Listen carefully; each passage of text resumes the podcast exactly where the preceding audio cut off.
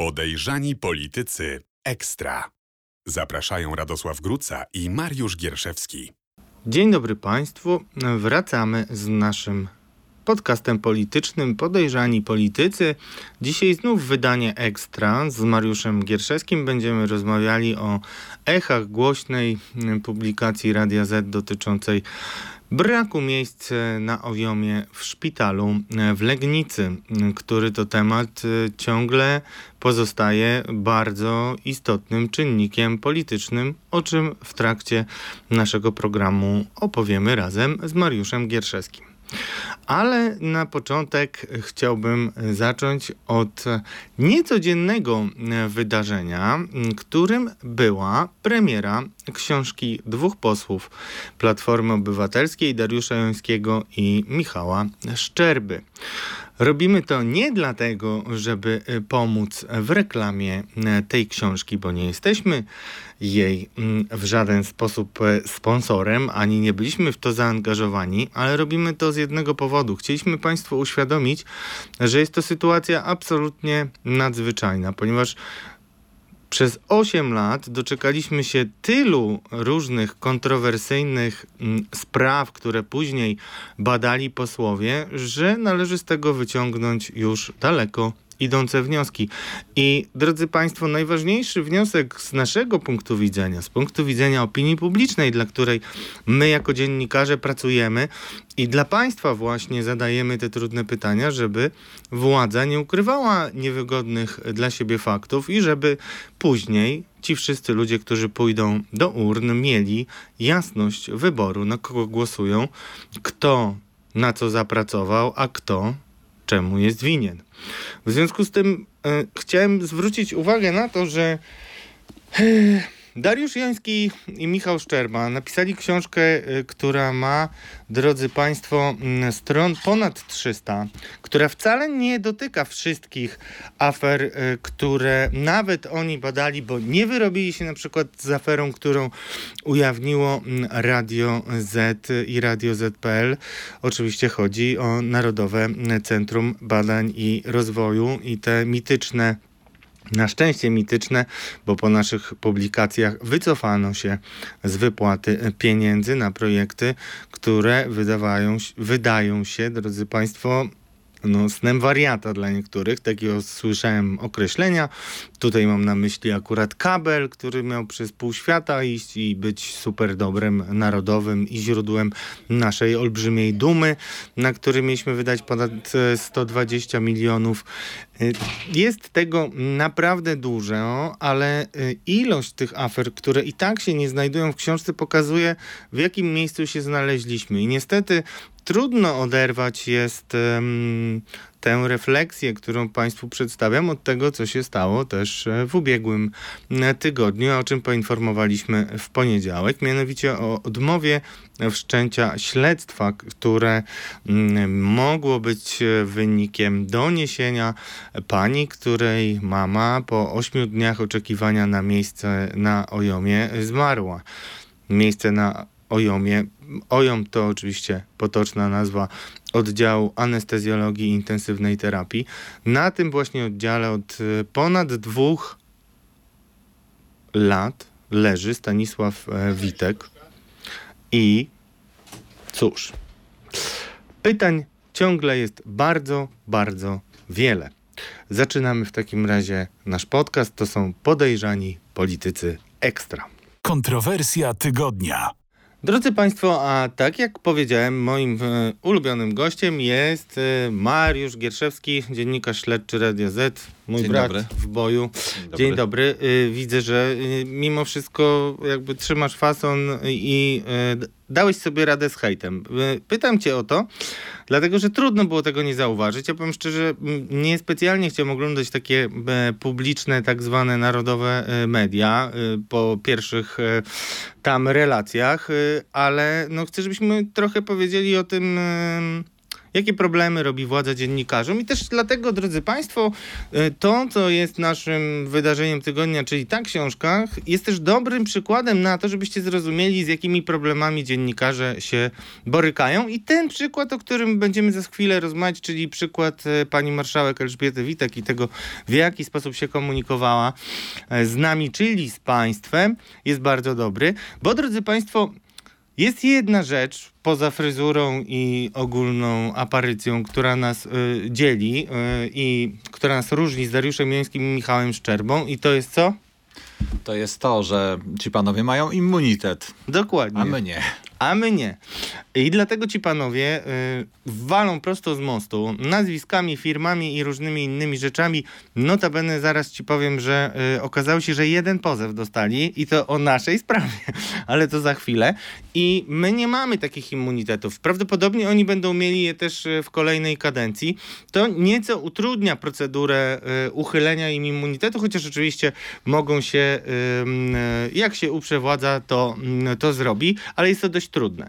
I nie zawsze się udaje. Y, Przykład notabene pani Magdaleny Felix, y, której y, nie uchylono immunitetu i takich przykładów jest więcej. To pokazuje, że naprawdę powinniśmy się y, zastanowić jako opinia publiczna nad tym, y, jak y, zabezpieczyć dziennikarzy przed takimi zjawiskami jak masowe pozwy slapowe, jak może zmienić prawo prasowe, które jest miejscami bardzo dziwaczne, a też sądy różnie do tego podchodzą.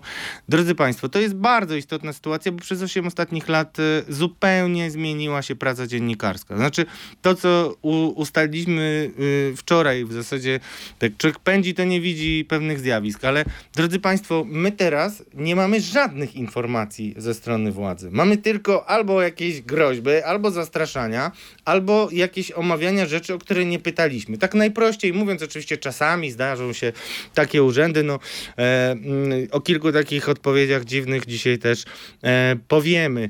E, Mariusz, no to przed chwilą ujawniliśmy, że marszałek e, Elżbieta Witek, ale nie tylko ona, e, miała informacje dotyczące śledztwa, znaczy śledztwa, no postępowania przygotowawczego, sprawdzającego prokuratury w Legnicy.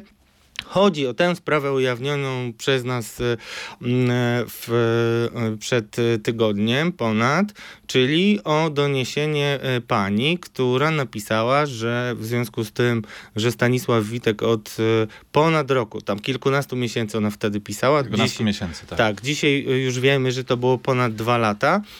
Jej mama... Dwa i pół roku. Tak, dwa i pół roku. Jej mama, mm, chociaż ja mam pewne wątpliwości, zaraz powiem, dlaczego y, to może być kwestionowane. Ale to za chwilę, bo pytałem też anestezjologów. Jedna podstawowa rzecz. Ja rozmawiałem z tą panią, drodzy Państwo, i upoważniła mnie do tego, y, żebym powiedział, że ona się czuje zdruzgotana tym wszystkim. Oczywiście nie zamierza w żaden sposób odpuścić tej sprawy ale no bardzo dotkliwie odczuła y, te wszystkie wypowiedzi y, pani marszałek i polityków PiSu, którzy współczując bardzo drugiej osobie w państwie i ważnej polityczce e, partii PiS, nie zauważają, że tam doszło do tragedii i umarła osoba, która mogła przeżyć. I to nie jest nasza opinia. To jest opinia aneste- to jest opinia lekarzy, e, którzy szukali miejsca na Ojomie i piszą wprost, że ze względu na brak miejsc tam nie trafiła. Więc co do tego nie ma wątpliwości. Ale jest jeszcze jedna istotna rzecz, która mm, się mm, ujawniła w trakcie naszego poszukiwania i o której chcemy powiedzieć, szczególnie w kontekście tego, że już e, na początku roku była duża debata o tym, skąd y, Niektóre media współpracujące z rządem dostają informacje y, i jak y, nimi się posługują. I tutaj powiedzmy wprost, że chodziło o sprawę e, syna Magdaleny Felix i tego, co się stało. Jak ty podchodzisz do tej sprawy? I skąd ona się wzięła? Bo ty lepiej ważysz słowa czasami, więc proszę dostojnie i spokojnie, żeby nikogo nie urazić, przedstaw problem. Problem jest tego rodzaju, że w trakcie rozmowy z nami, a za chwilę też odniesiemy się do tego, dlaczego E, Nie ujawniamy tego, Dlaczego co zastrzegała o, pani o tej rozmowie, chociaż mówiliśmy, ujawniliśmy, że to była rozmowa off the record. A to za chwilę, ale w trakcie tej rozmowy, mm, właściwie już na samym początku tej rozmowy, pani marszałek posługiwała się nazwiskiem i personaliami osoby, która złożyła zawiadomienie do prokuratury w Legnicy. I nie tylko tym. E, nie tylko posługiwała się personaliami, ale także mówiła o pewnych szczegółach wydarzeń, które miały miejsce wcześniej w tym szpitalu, które dotyczyły tej osoby. E, No więc y, mm, według nas mm, formalnie nie ma takiej możliwości, aby marszałek znała to nazwisko. Dlaczego? Dlatego, że y, śledztwo było, jak powiedziałeś, y, sprawdzające, a w takim, jak, kiedy ma taki status, prokuratura głównie zajmuje się tym, że przesłuchuje taką osobę, która złożyła takie zawiadomienie i no, tutaj w tym przypadku jeszcze zdaje się, tak jak odpisali nam e, na nasze pytania, wysłali jakąś, jakieś zapytanie do szpitala i otrzymali jakąś informację z tego szpitala, tak? No ale to nie są jakieś szeroko zakrojone działania prokuratury, nie jest to tam wzywanie Nie no, świadków, nie, no to jest świadków eufemizm. i tak dalej. no, nie, tak, nie no, zrobili no. nic tak naprawdę. No, Ale- Nie wiem, zadzwonili do szpitala, spytali się szpitalu, czy y, drogi dopełniłeś wszystkich formalności, Ja- że u ciebie dwa i pół roku leży pacjent na ojomie. Dopełniliśmy, to jest wszystko decyzja lekarzy. No to okej. To okej, odmawiamy. rozumiem, tylko ja tylko pokazuję z punktu widzenia e, formalnej procedury, że tutaj nie było miejsca na to, żeby zawiadomić kogokolwiek e, z kancelarii Sejmu czy panią marszałek o tym, że jest takie sprawdzające postępowanie. Jest e, oczywiście, m, nie było też e, możliwości, aby zawiadomił marszałek e, prokurator krajowy albo prokurator generalny. Według ustawy o prokuraturze z 2016 roku prokurator krajowy, prokurator generalny albo inny wskazany prokurator może udzielić takiej informacji różnym instytucjom państwowym, rządowym, w odpowiednich oczywiście warunkach, ale może udzielić takich informacji. Ale A dlaczego wiemy, mówimy, ale my że tak nie było? ale bo wiemy, dlatego że prokuratura okręgowa w Legnicy odpisała nam, że nie zawiadamiała prokuratury krajowej w Warszawie o tym toczącym się postępowaniu sprawdzającym. Więc stąd ta informacja formalnie nie mogła dotrzeć do marszałek Witek. No skąd mogła jeszcze dotrzeć, tak? Tu, tu, tutaj się zastanawiamy, czy może ze szpitala, no ale to, to, nie, to, nie, to nie byłaby wtedy informacja formalna, tylko nieformalna.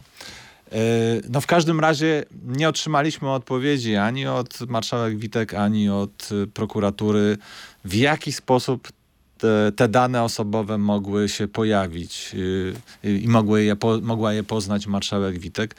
No a dla nas jest to bardzo ważna sytuacja, no bo, bo, bo oczywiście yy, Nie- rodzi różne implikacje. Tak? No, nie, no drodzy Państwo, każdy z Państwa niech się zastanowi, w jakiej sytuacji jest ta kobieta, której mama zmarła i która pozostaje w żałobie. Z, zrozumcie, drodzy Państwo, że to, to jest żywy człowiek, kobieta, która poświęciła też e, się opiece nad e, matką, co zresztą dzisiaj jest wykorzystywane e, przez no, takie nieprzychylne osoby, które kolportują różne plotki, że ona jest pieniaczką i tak dalej. Od razu Państwu powiemy, żeby mieli pewnie, żeby mieli Państwo jasność, że dochowaliśmy pełnej rzetelności. Sprawdziliśmy te informacje jeszcze zanim te plotki takie nie za dobre do nas dotarły i wiemy, że była interwencja y, pani wcześniej y, w biurze y, Rzecznika e, Praw e, Pacjenta i ona dotyczyła tego, że podczas COVID-u nie mogła ta pani jako opiekunka e, swojej mamy przebywać przy mamie, podczas gdy piętro wyżej akurat dzieci mogły przebywać z opiekunami. Ona to zgłaszała, zrobiła się z tego e, e, awantura, ale w mojej ocenie to tylko potwierdza determinację tej pani e, w no, dochodzeniu swoich praw. I, I mógłbym o tym mówić długo, ale to jest dużo szczegółów. Jeśli Państwo sobie życzycie, to kiedyś jeszcze mm, do tego wrócimy. E, Dlaczego uważasz, że wytłumacz to, dlaczego to jest tak istotne, żeby prokuratura nie podawała informacji dotyczących danych? Już zostawmy tego, y, tą biedną panią Magdalenę Felix, bo każdy zna tą historię. Ona nie jest jeden do jednego y, identyczna, ale przecieków z prokuratury, które mają służyć politycznym interesom, jest tyle, drodzy Państwo, że Niagara tyle wody nie przelewa. No, już, już to powiedziałeś, to znaczy no, nam jako dziennikarzom oczywiście zależy na przeciekach z prokuratury, jeżeli chodzi o ujawnianie e, pewnych sytuacji, natomiast przecieki z prokuratury do władzy, do sprawujących władzę, no to, to nie wróży dobrze całkowicie. No bo to jest jakby konflikt interesów, to jest mało powiedziane, bo teraz tak, taka osoba, która wie, że jej nazwisko przewija się w śledztwie, może zrobić bardzo dużo rzeczy, y, żeby przekonać, nakłonić, przekupić, zastraszyć. Duży jest wachlarz środków wpływu, szczególnie jak się jest drugą osobą w państwie, która Wbrew temu, co mówi, e, wielu osobom pomogła na przykład e, dostać e, intratne funkcje, o czym się mówi dość powszechnie. Dużo było publikacji, załatwianie w KGHM-ie, pomoc zięciowi przy straży pożarnej i tak dalej, i tak. Jak uważasz, jeszcze powiedz mi, co sądzisz, bo też rozmawiałeś z prawniczką odnośnie decyzji prokuratury. Ona była błyskawiczna, decyzja o odmowie wszczęcia śledztwa i była też, to moja ocena, perfidna. Dlaczego, możesz się z nie zgodzić, ale dlaczego taka była? No, bo, bo, dlatego, że. Pro... Nie, zgadzam się oczywiście. Tutaj po prostu uniemożliwiano, uniemożliwiono tej osobie, która złożyła e, zawiadomienie do prokuratury, odwołanie się od tej decyzji. Bo e, nie dostała?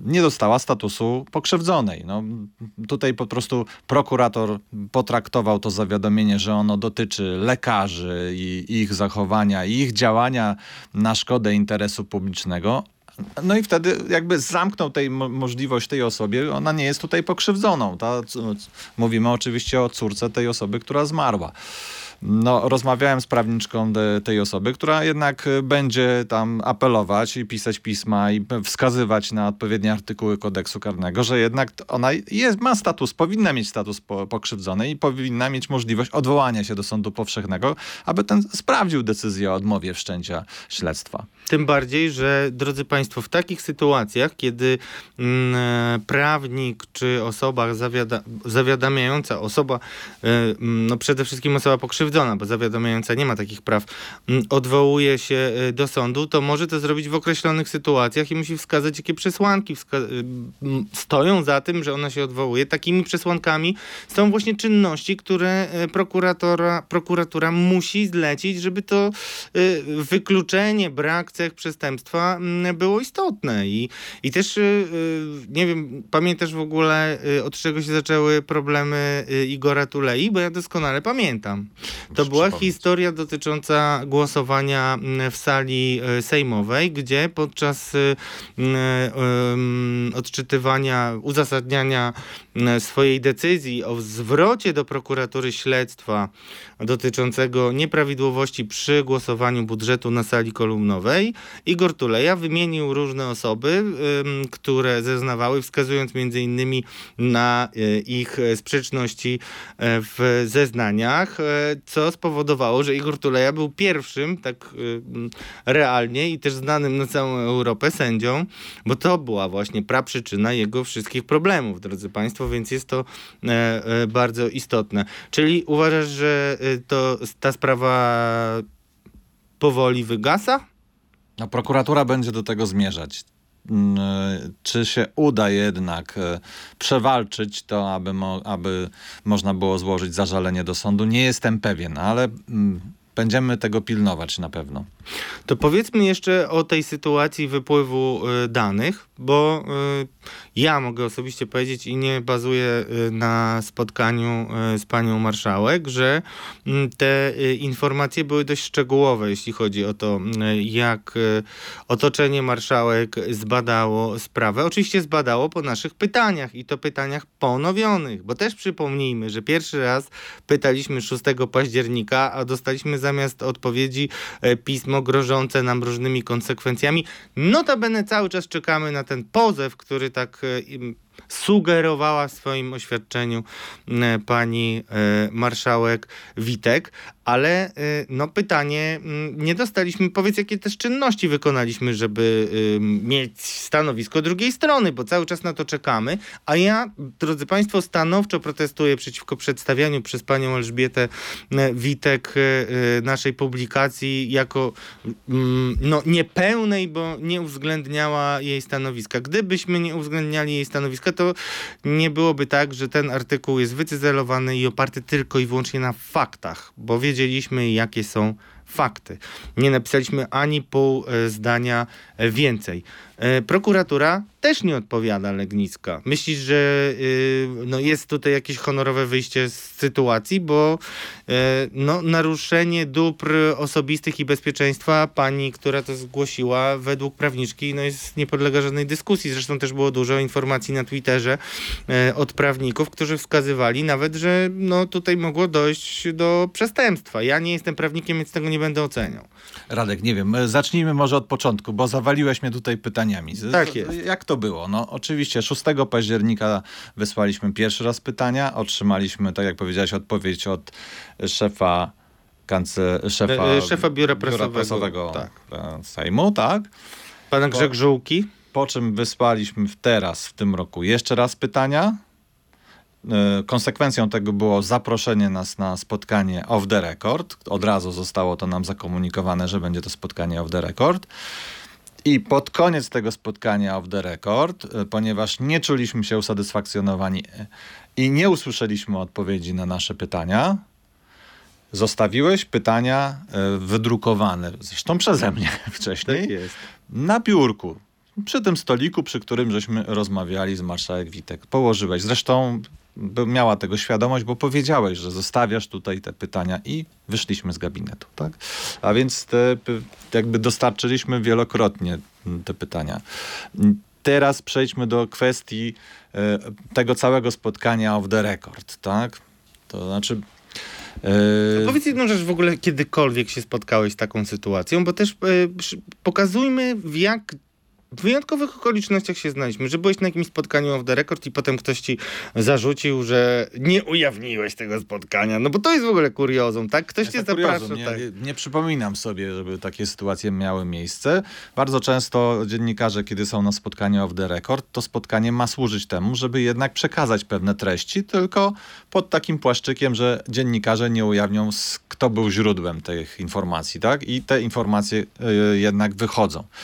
Tutaj oprócz tego, że to spotkanie było off the record, to co najmniej dwukrotnie pani marszałek powiedziała, że to nie jest wywiad i te rzeczy, o którym opowiada, nie są do publikacji. E, Mówiła, że to są, rzeczywiście były to bardzo wrażliwe informacje. Mm, s- I od razu było, było to zaznaczenie, że to nie jest do publikacji, tak? Więc wyszliśmy z tego spotkania przekonani, e, że nie będziemy ujawniać nawet, że było to spotkanie, tak? Ono było aż tak bardzo naznaczone tym piętnem.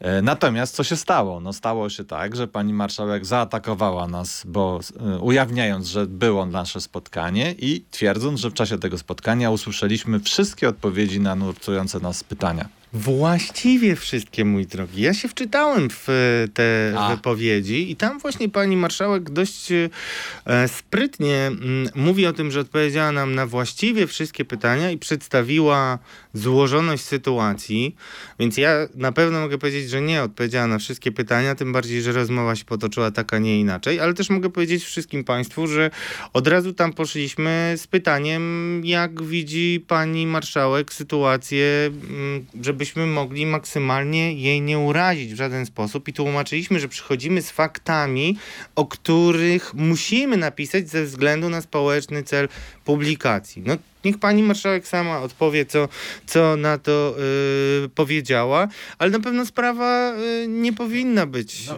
y, jeszcze tylko dodam to, że Dodaj. po tej informacji, po tym oświadczeniu marszałek, a potem y, udzie- po udzielonym wywiadzie w jednej z gazet, gdzie przedstawiła bardzo dużo informacji, które padły w trakcie tego spotkania, tak? Tak.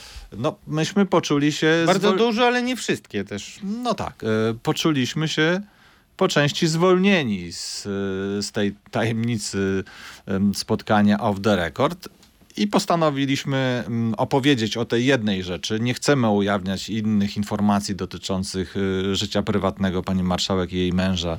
Nie chcemy i nie będziemy, nie bo będziemy to o jest w tym mówić. co do, co do tego niech pani marszałek mm, jest przekonana, że to nigdy nie wyjdzie od nas. Natomiast I nie złamaliśmy danego Nie słowa. To jest Natomiast, ważniejsze y, niż gry polityczne. ujawniliśmy rzecz, co do której mamy wątpliwości, skąd pani marszałek mogła mieć tą wiedzę. I tutaj właśnie nawiązuje do tego naszego newsa, czyli mm, informacji o tym, że pani marszałek znała nazwisko osoby, z, która złożyła zawiadomienie do prokuratury. Tak? Nazwisko i nie tylko, i jakieś szczegóły także dotyczące tej osoby. Jest jeszcze jedna kwestia, którą chciałem Państwu jasno wyjaśnić, bo mieliśmy bardzo dużo rozmów, wiele miesięcy zresztą o tym e, dyskutowaliśmy z różnymi ludźmi e, i e, no, poszliśmy też z taką z taką rozterką i dylematem, żeby nie rozpętać wielkiej wojny i dyskusji o eutanazji i o ym, przymusowej, upor, nie przymusowej, uporczywej e, terapii, tak to się nazywa. Nie chcieliśmy tego, żeby, y, y, żeby y, to się stało, ale niestety to się stanie, drodzy Państwo. I nie trzeba być wróżbitą, dlatego że na ojomach leżą teraz wasi bliscy, którzy będą musieli być wypisani. I takie rodziny, y, wasi, no kogoś na pewno. I takie rodziny, no zastanów się, jak taka rodzina może podejść do tego, jeżeli y, przyjdzie do niej anestezjolog i powie, no stan jest stabilny, potrzebny jest respirator. Jest y, problem w Polsce z rehabilitowaniem takich osób. Ta osoba jest nieprzytomna, ale jest stabilna, a tam właśnie przyjeżdża pan, który jest totalnie pobity, wielonarządowe urazy, albo pan, któremu urwało nogę, bo jechał na motorze. Pamiętamy takie haniebne kampanie e, e, idzie wiosna, będą warzywa. To policja się kiedyś e, e, wsławiła tym. Także sprawy są bardzo delikatne. Ale drodzy państwo, ta dyskusja jest nieunikniona i e, chciałbym zostawić z cytatem pani Witek, mm, który jest z tego wywiadu. I chciałbym też, żebyś się do niego odniósł, bo moim zdaniem to właśnie powoduje i będzie przyczynkiem do tego, żeby o tym dyskutować. Jedno z ostatnich pytań w tym wywiadzie, e, a nawet ostatnie słowo, co jest ważne. Początek i koniec są zawsze mm, tymi elementami publikacji, które najlepiej pamiętamy.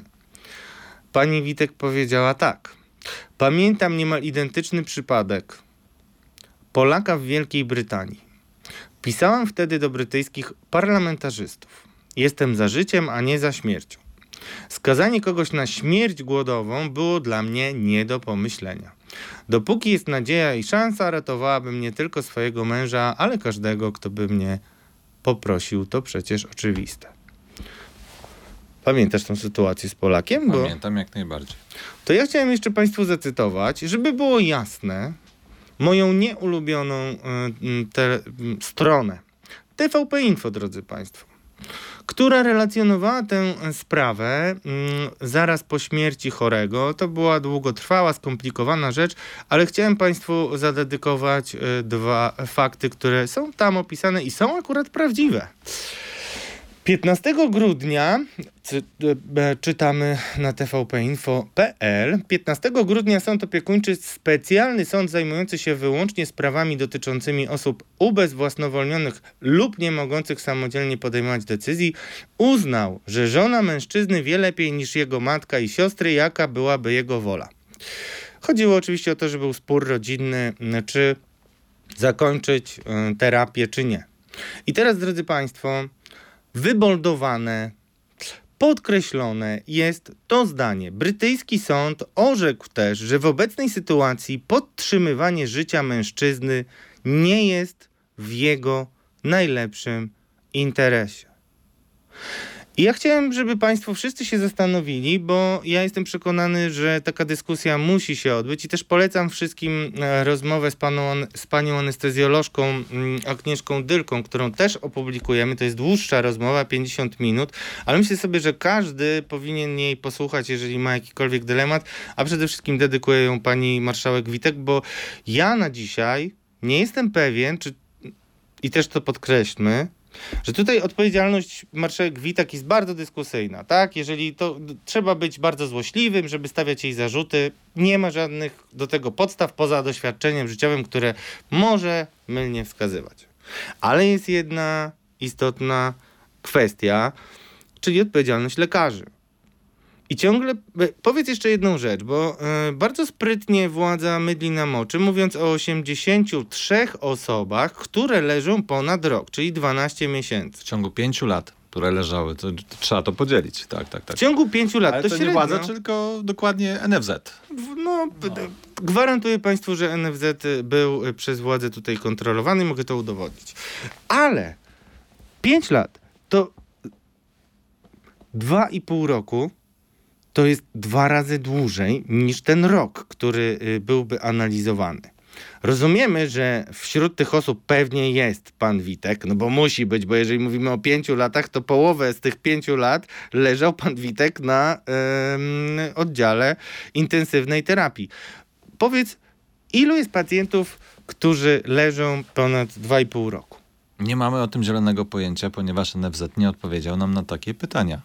No właśnie. E, Mało tego, ja widziałem też wnioski, które się pojawiały na Twitterze e, różnych ludzi, którzy są tym zainteresowani, którzy mają rozmaite problemy, ale drodzy Państwo, prędzej czy później znajdziemy odpowiedź na to pytanie, bo on, znajdziemy odpowiedź na to pytanie i tylko jedno zastrzeżenie a propos tych dwóch i pół roku chciałem zrobić, ponieważ badania, e, no, nie, nie kryjmy, no ja się trochę bardziej interesowałem kwestiami zdrowotnymi, więc dzisiaj, e, więc dzisiaj tak zagaduję ciebie, przepraszam, głupio się Odbiję sobie w następnym programie. Dobrze. Y, trzymam cię za słowo i wiem, że tak będzie. Y, jedna kwestia. Kiedyś bardzo interesowałem się rozliczeniami szpitali z NFZ-em. I powiem tak. Ja chciałbym zobaczyć kontrolę y, tego, w jaki sposób była sprawozda- sprawozdawana ta hospitalizacja. Ponieważ można. Ja widziałem różne cuda, jeśli chodzi o sprawozdawczość y, szpitali. I y, no, Ciekawe, czy to rzeczywiście było cały czas raportowane jako pobyt na y, oddziale anestezjologii intensywnej terapii. I niech Państwo sami się zastanowią, czy to by były dane wrażliwe, czy to są dane, które pokażą nam, jak działa system i czy system przypadkiem nie jest wyjątkowo przychylny osobom ze świecznika. Zostawiamy Państwa z tym pytaniem. Stan gry. A drodzy Państwo, w sekcji stan gry mm, z reguły rozmawiamy o tym, komu rosną notowania, komu spadają, komu koniunktura polityczna sprzyja. Moglibyśmy mówić o zbożu, moglibyśmy mówić o dziwnych historiach z Orlenem, ale porozmawiamy o tym, Porozmawiamy później o tych dziwnych historiach związanych z Orlenem. To Państwa zapewniam, bo tutaj... Ha, tu będziemy, Będziemy. też mieli. I zresztą e, cały czas e, jest to pod lupą, szczególnie mm, Mariusza. Ale dzisiaj porozmawiamy w stanie gry o tym, jakie metody pojawiają się w walce o to, żeby nasze było na wierzchu, żebyśmy mieli przewagę.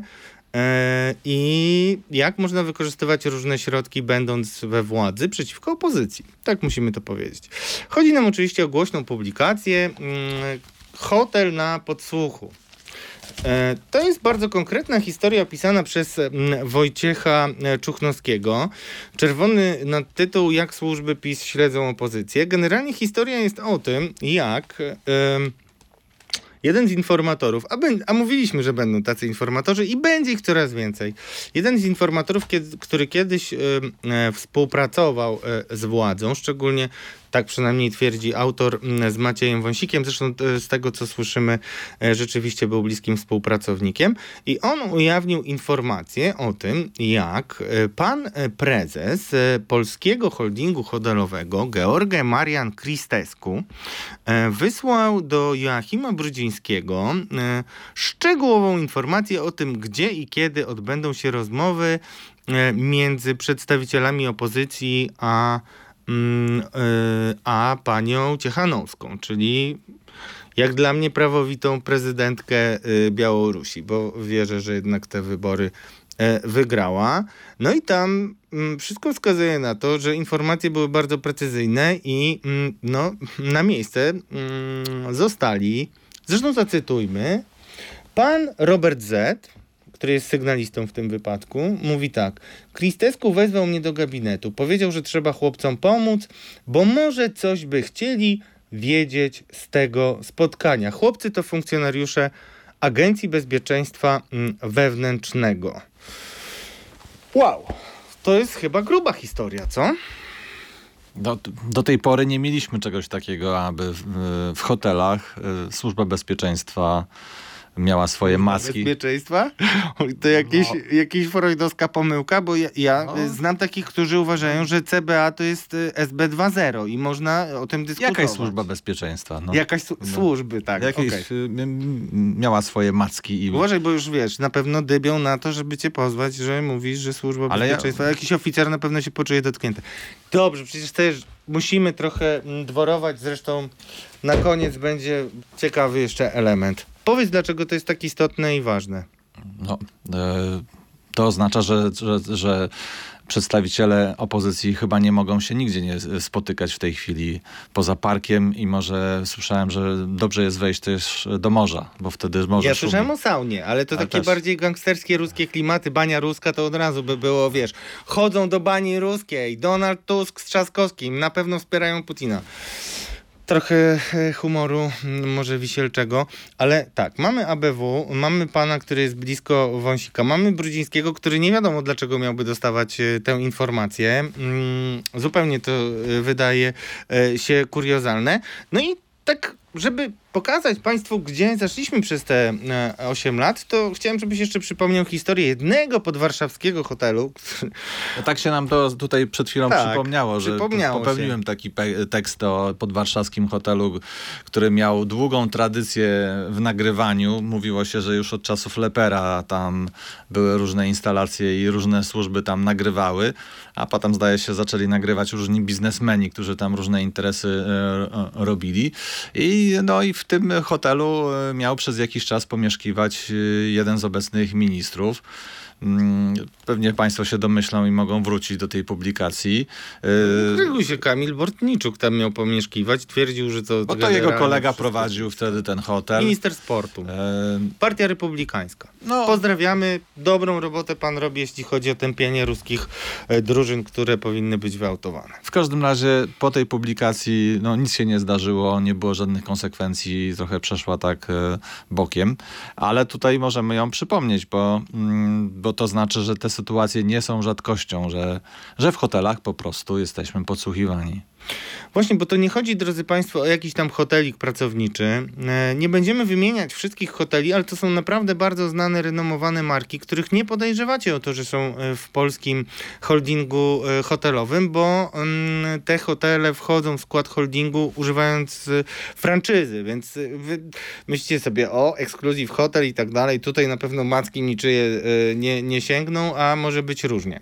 I jeszcze chciałem jedną kwestię z Tobą poruszyć, właśnie jeśli chodzi e, o e, tę historię, bo, bo Ty powiedziałeś, że tam były podsłuchy, ale nigdy nie mieliśmy e, twardych dowodów, a Ty chyba też nie miałeś, że za tymi podsłuchami stali jacyś Politycy. Obecnie politycy to w ogóle, a znaczy to nie wiemy zupełnie, ale na pewno nie było tam żadnych działań służb takich oficjalnych, tak? To były takie gangstersko-kombinacyjne e, rzeczy, jeśli, jeżeli dobrze rozumiem, tak? No wtedy tak, w tamtej historii tak to wyglądało.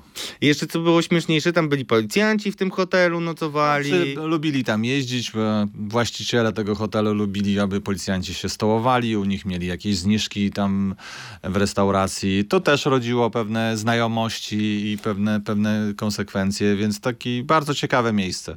Biba była tam niezła na e, urodziny ministra sportu. Chociaż ci, którzy byli, e, to mi mówili, że dość szybko się zmyli. Tak było spoko i nie mówili tam o żadnych strasznych rzeczach, ale różnie się mówiło tak, że i my nie jesteśmy w stanie tego sprawdzić, bo powinny takie rzeczy, gdzie mamy jakieś środowiska przestępcze, polityków na świeczniku.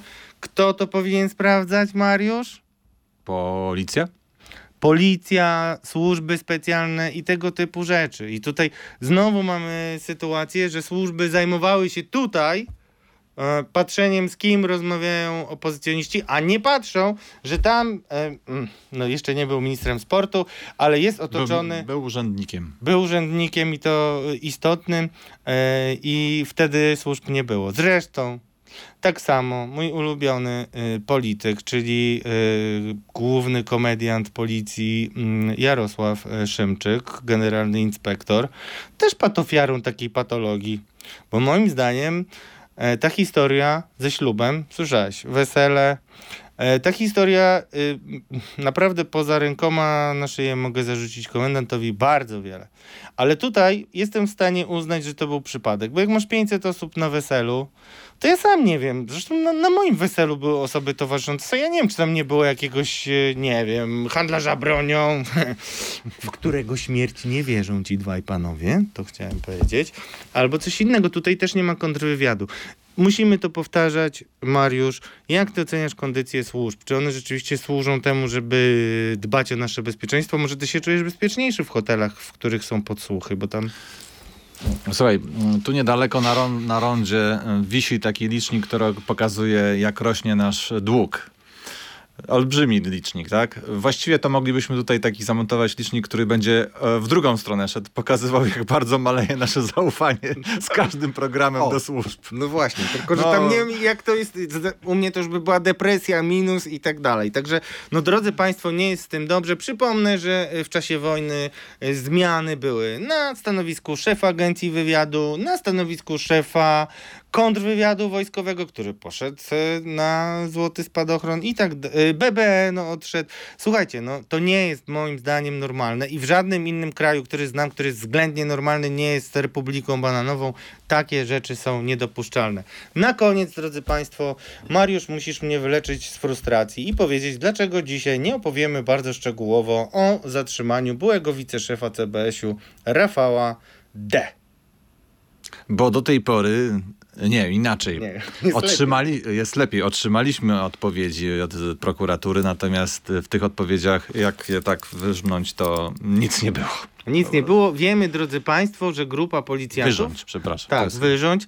właściwe A, słowo. tak. O, tak. Język polski, y, trudny język, trzeba go nie kaleczyć.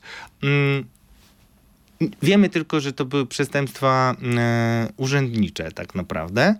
Y, I trochę wydaje nam się dziwne, że żeby postawić zarzuty byłemu wiceszefowi trzeba za- zarzuty urzędnicze trzeba wysyłać y, y, brygadę ABW i forsować drzwi. Znaczy nie wiemy, czy te drzwi były sforsowane, ale taka była legenda miejska.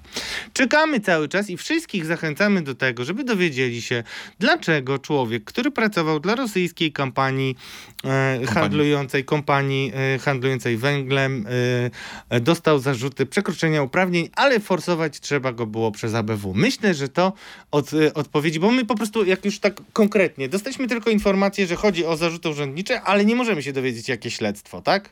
Mimo, że tam w tle są Rosjanie, w tle jest afera podkarpacka, komendant policji i tak dalej. Drodzy Państwo, to nie jest normalna sytuacja. To jest po prostu oszukiwanie Was. Bo jak się nie mówi całej prawdy, to jest to niestety oszustwo. A też półprawda to całe kłamstwo. Pamiętam, przy okazji Smoleńska wylansowali taką mocną tezę. Przepraszam, że dzisiaj się rozgadałem, ale No właśnie, zapomniałeś jeszcze o... Mariusz Gierszewski, nasz gość, on e, się kulą nie kłania, bo e, człowiekiem jest o ustabilizowanym życiu rodzinnym i tak dalej. Na nasze głowy posypały się gromy, wszyscy słyszeliście, ale to nic! Nie damy się żadnym gromom, groźbom i tak dalej. Wszystkim polecam, żeby nam nie grozić, bo to tylko nas motywuje. To byli podejrzani politycy. Mariusz Gierszewski, dziennikarz śledczy Radia Z. I Radosław Gruca. Do zobaczenia już niedługo. Podejrzani politycy ekstra. Zapraszają Radosław Gruca i Mariusz Gierszewski.